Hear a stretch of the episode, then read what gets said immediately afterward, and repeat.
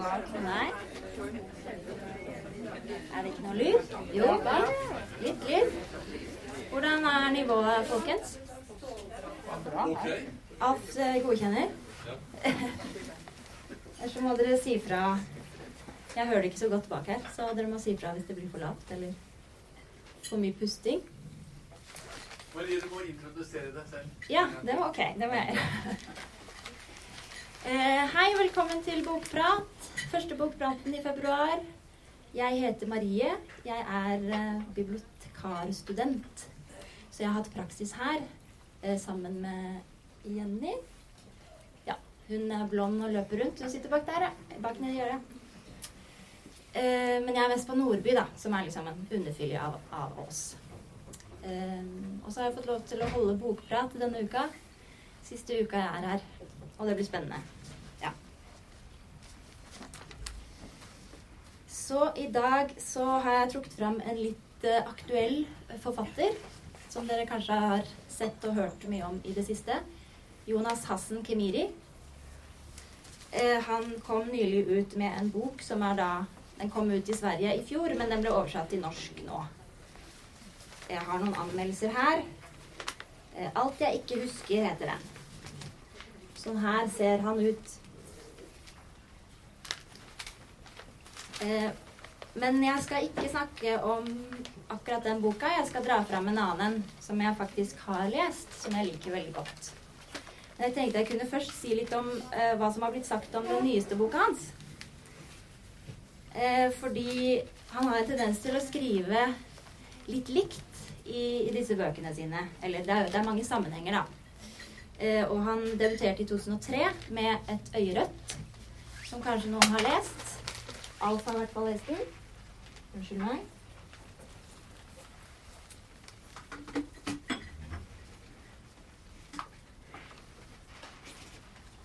Åh. Sånn. Eh, og dette er da hans tredje roman, men han har skrevet en del skuespill og fortellinger, noveller og sånt også. Eh, og det blir sagt at denne romanen er, eh, altså den nyeste, er litt politisk, eh, uten å være opplagt politisk. Eh, Morgenbladet skriver bl.a. at eh, Kimiri har skapt seg eh, et romanunivers der han lett, hjemmevant og ledig skildrer et multikulturelt svensk samtid sosialt og politisk og på helt tilforlatelig vis reflekterer over etnisitet, klasseskille, voldskultur, kjønn og økonomi. Og det er noen ting som han har med i sine tidligere bøker også.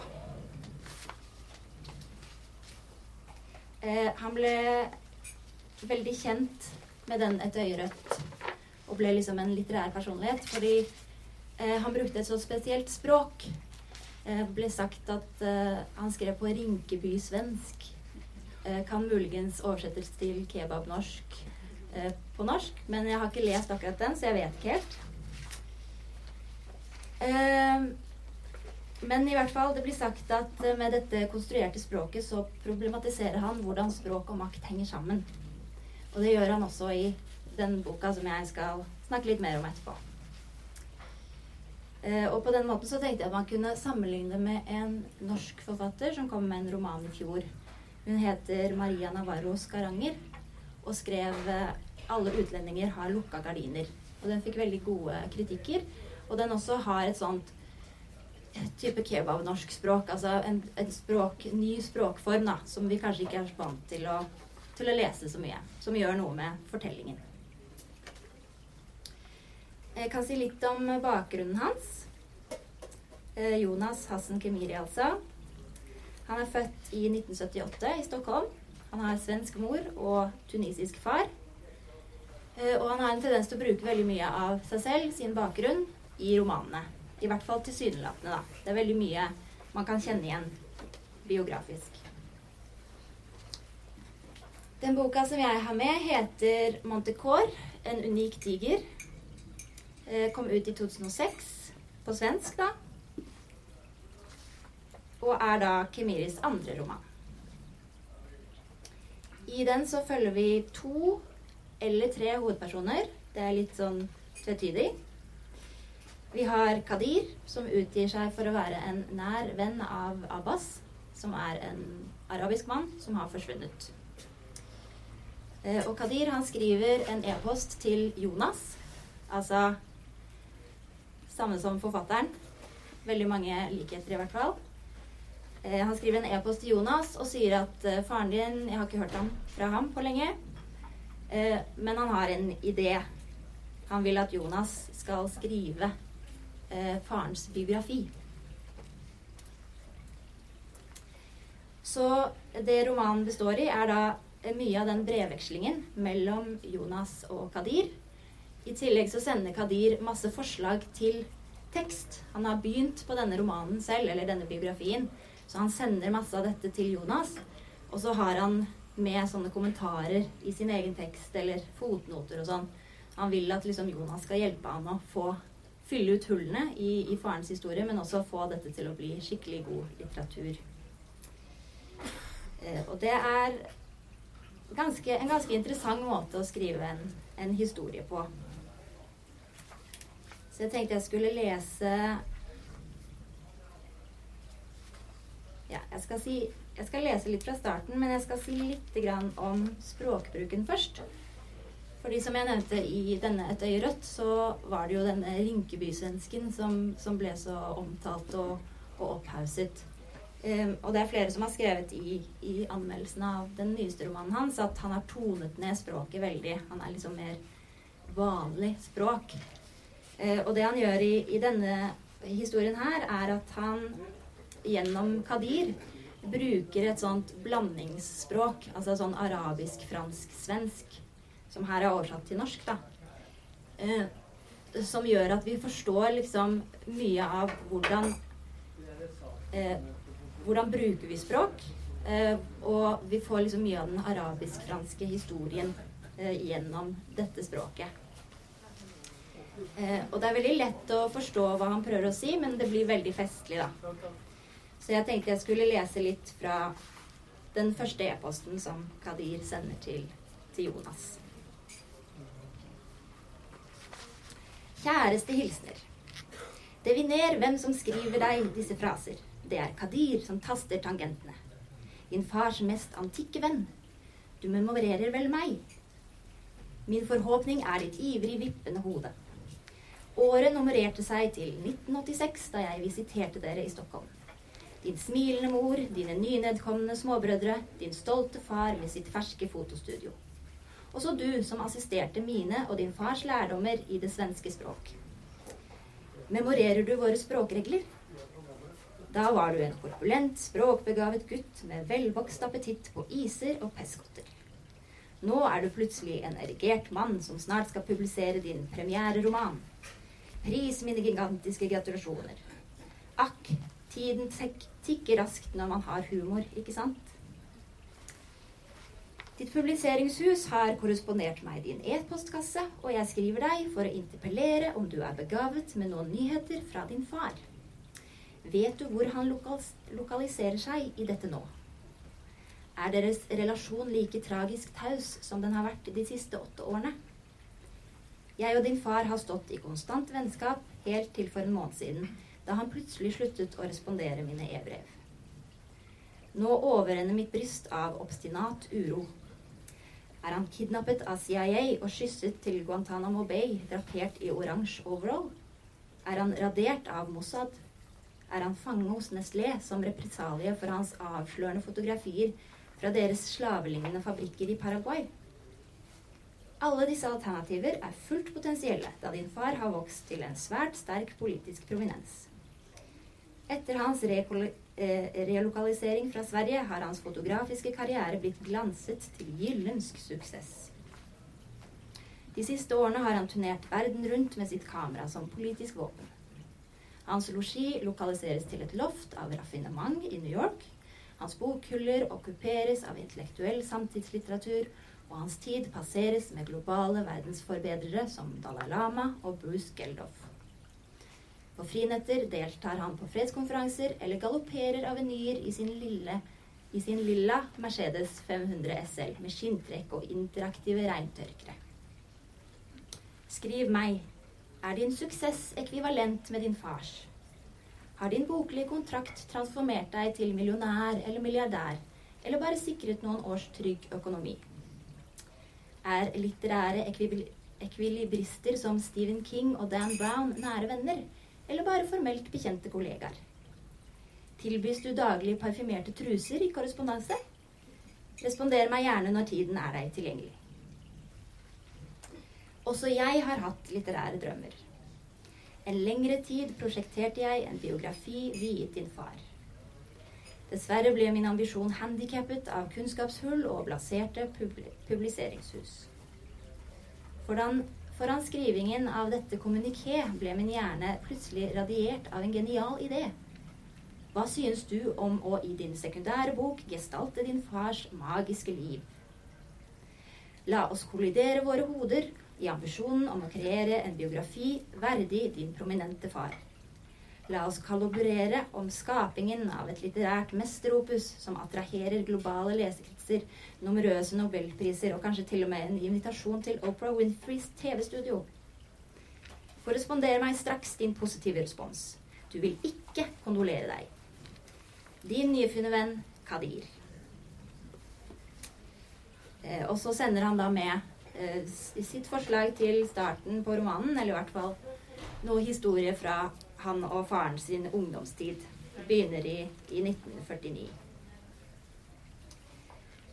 Eh, vi får aldri vite hva det er Jonas svarer sånn helt direkte.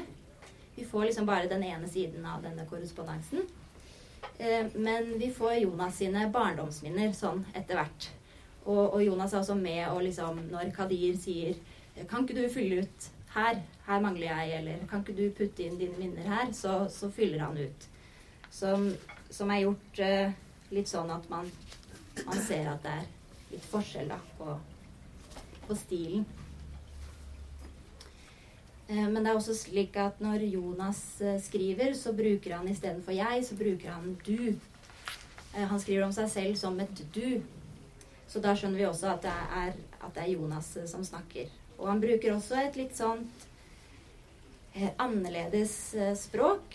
Men det er kanskje litt barnsligere, litt ikke fullt så arabisk da, som dette Kadir sitt språk.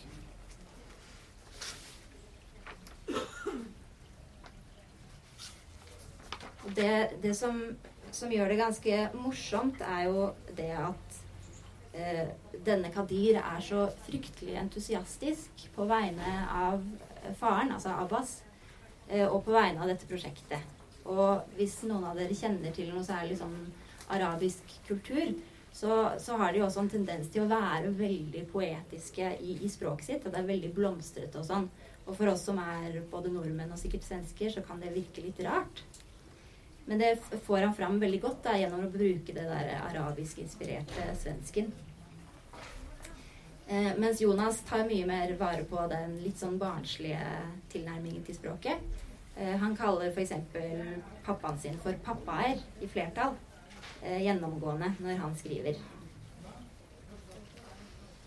Det vi, det vi blir fortalt i denne boka, er jo eh, en historie om en mann som på en måte aldri får fortelle sin egen historie. Han blir bare eh, portrettert gjennom to forskjellige mennesker. Eh, og det er noe som Kimiri også gjør i den siste romanen sin. Da handler det om én person, men vi får liksom fem-seks personer i hans eh, krets sine versjoner av ham. Og de eh, stemmer jo ikke alltid helt overens. Eh, og det gjør ikke Abbas i, disse to fortellingene heller. Altså Jonas sin fortelling av faren er på en måte mye mer familienær. Det er mye om barndommen, det er mye om eh, vanskelighetene ved å ha en pappa som er så annerledes. Eh, men som i begynnelsen, da, så er det fortsatt fylt med veldig mye positivitet. Så jeg skal lese litt fra den begynnelsen. Han skriver om sine første minner av sin far. Dette er Jonas da som snakker. Det første minnet er fra barnehagen, og du ligger gjemt i puterommet etter å ha kranglet med noen, antagelig med han Gabriel Gusten. Du har hutrende pust etter gråt og venter på pappaer og kobler på usynlighetsskjoldet og tenker på forskjellen mellom foreldre. Vanlige foreldre er som Gabriels. Gråslaskede skygger med brunfrakker og knirkestemmer som trett henter inn sine barn og forsvinner ut i tåka. Men pappaer er solformørkere med lysende Djurgården-skjerf som snart vil latterbrøle seg inn i puterommet med alpeluen på, som vil gi deg kileoverfall og liksom fotografere deg med fingre og tomler i en firkant. Pappaer sjarmerer liksomsinte barnehagetanter og bruker skuldrene til å bære deg hele veien hjem. Og vanlige foreldre har lesebriller og gjesper og ser Grand Prix og tippekamper på TV. Mens pappaer abonnerer på aktuell fotografi, hvor klassik klassikerbildene er så vakre at pappaer noen ganger faller ut midt i sine hyldningstaler og tårer øynene sine. Og vanlige foreldre jobber vanlige jobber og fantaserer om vanlige charterturer og vanlige Volvoer. Men pappaer drømmer om å forandre kunsten for all framtid. Og hver gang han sier kunsten, sier han det på fransk og uttaler det med en A som er fire ganger så lang. Lært. Pappaer snakker alltid om store planer om hvordan han skal følge i fotsporene etter de store fotografene. Akkurat som Robertin Kappa og Frank og Philip Halsmann og Josef Kars har pappaer nemlig byttet hjemland for å spre sitt fotografiske talent i fremmede land. Alle store fotografer jobber i eksil, roper pappaer, og gir flere navneeksempler enn du kan huske. For vanlige foreldre har vanlige helter, som fotballspillere eller politikere eller komikere i Monty Python. Men de idolene pappaer har, har forandret fotografiets historie.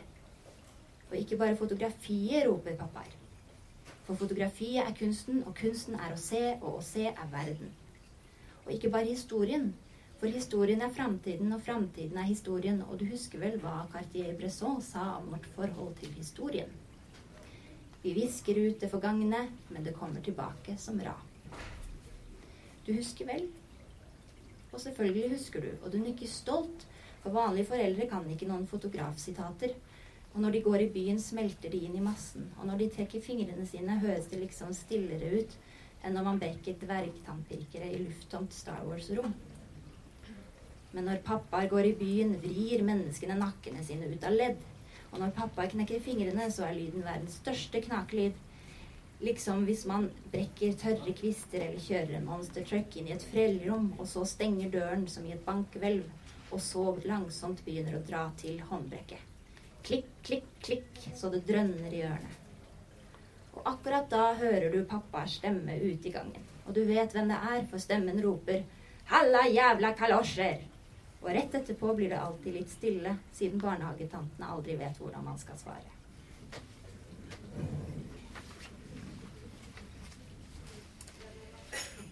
Så det begynner veldig mm, Jonas ser veldig opp til sin far. Eh, og han ser veldig positivt på den annerledesheten som faren bringer med seg inn i det litt grå og triste Sverige. Eh, men så er det vel sånn med integrering flest da, at det er ikke så lett som man skal ha det til.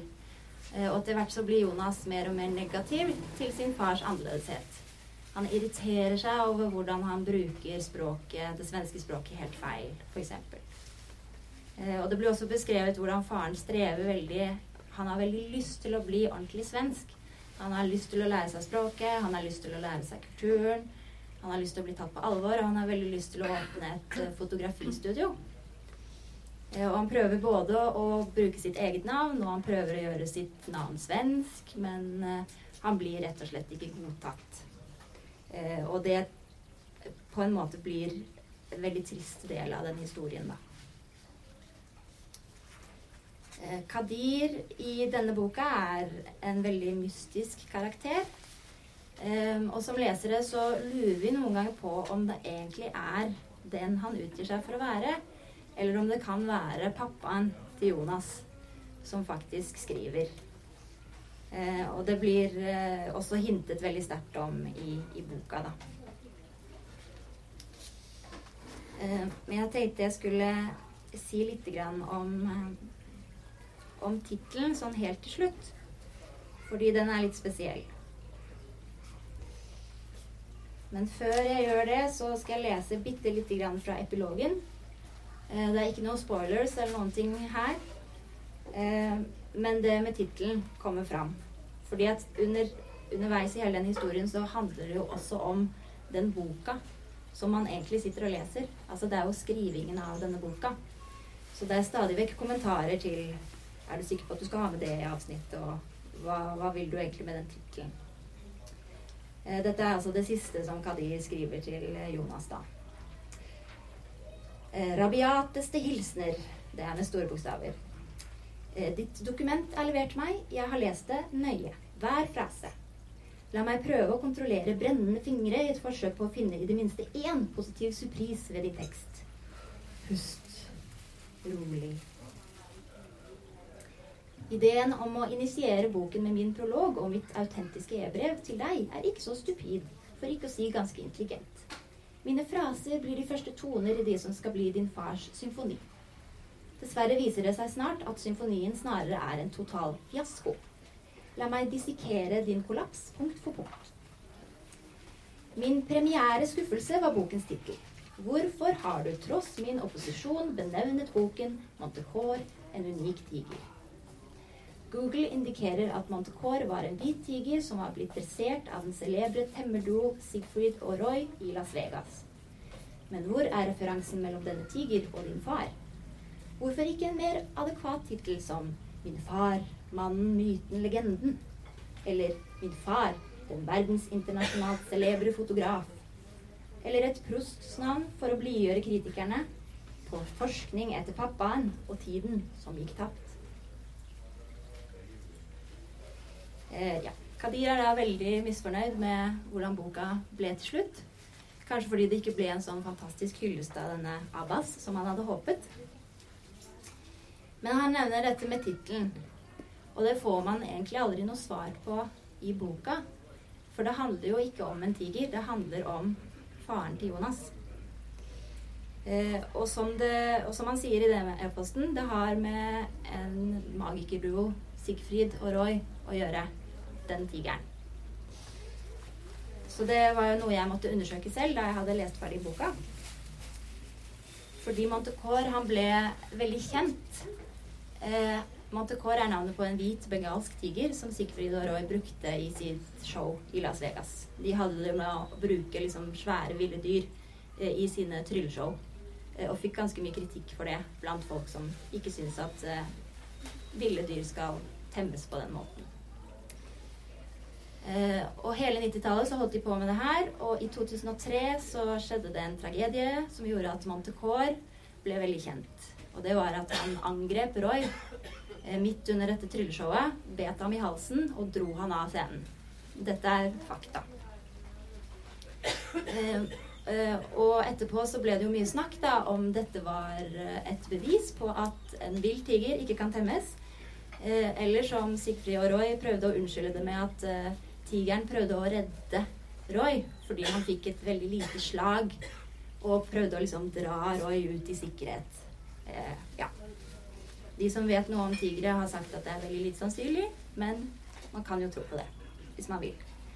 Eh, showet ble i hvert fall avlyst etter det her, og Roy har vel ikke helt kommet seg. Han mistet veldig mye blod, og så tror jeg han ble delvis lammet også etterpå. Men det at Kemiri har valgt den tittelen, den sier jo litt om hvordan vi skal forstå eh, Abbas, altså hovedpersonen. Eh, fordi det handler jo veldig mye om det å komme fra én verden og prøve å integrere seg i en annen. Eh, og med å henvise til den tigeren, uten at det er laget noen sånne direkte eh, likhetstegn, så sier Kemiri at man kan lese den som en sånn diskusjon rundt Går det an å miste sin egen kultur eller sin egen historie? Går det an å liksom viske ut den? Eller vil den alltid skinne gjennom som noen instinkter eller bare en måte å være på?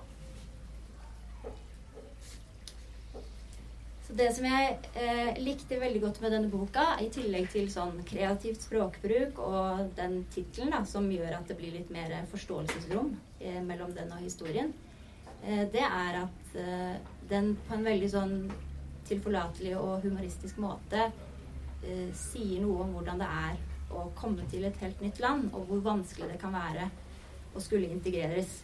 Og særlig så uten at han peker noen fingre, så sier han at eh, svenskene de var vel kanskje ikke så eh, åpenhjertige som eh, man skulle ha håpet, da. Så det er ganske hjerteskjærende å liksom lese om Abbas som prøver og prøver og prøver å bli svensk. Men han liksom, den hybriden han blir til, da, blir liksom ikke helt godtatt. Eh, så jeg tenker at det er jo en fin historie vi kan ha med videre. I hvert fall nå som det er så mye snakk om flyktninger og integrering også i Norge. Da sier jeg takk for meg.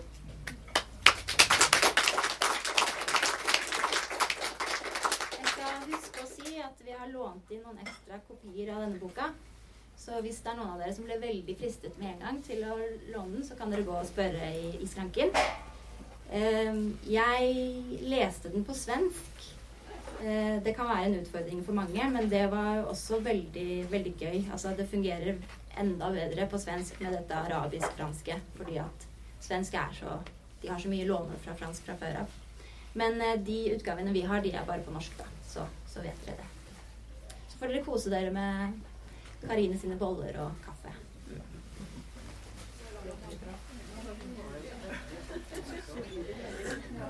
Det var bra. Skal du ha? Jo, bare hyggelig. Takk for at du hørte på.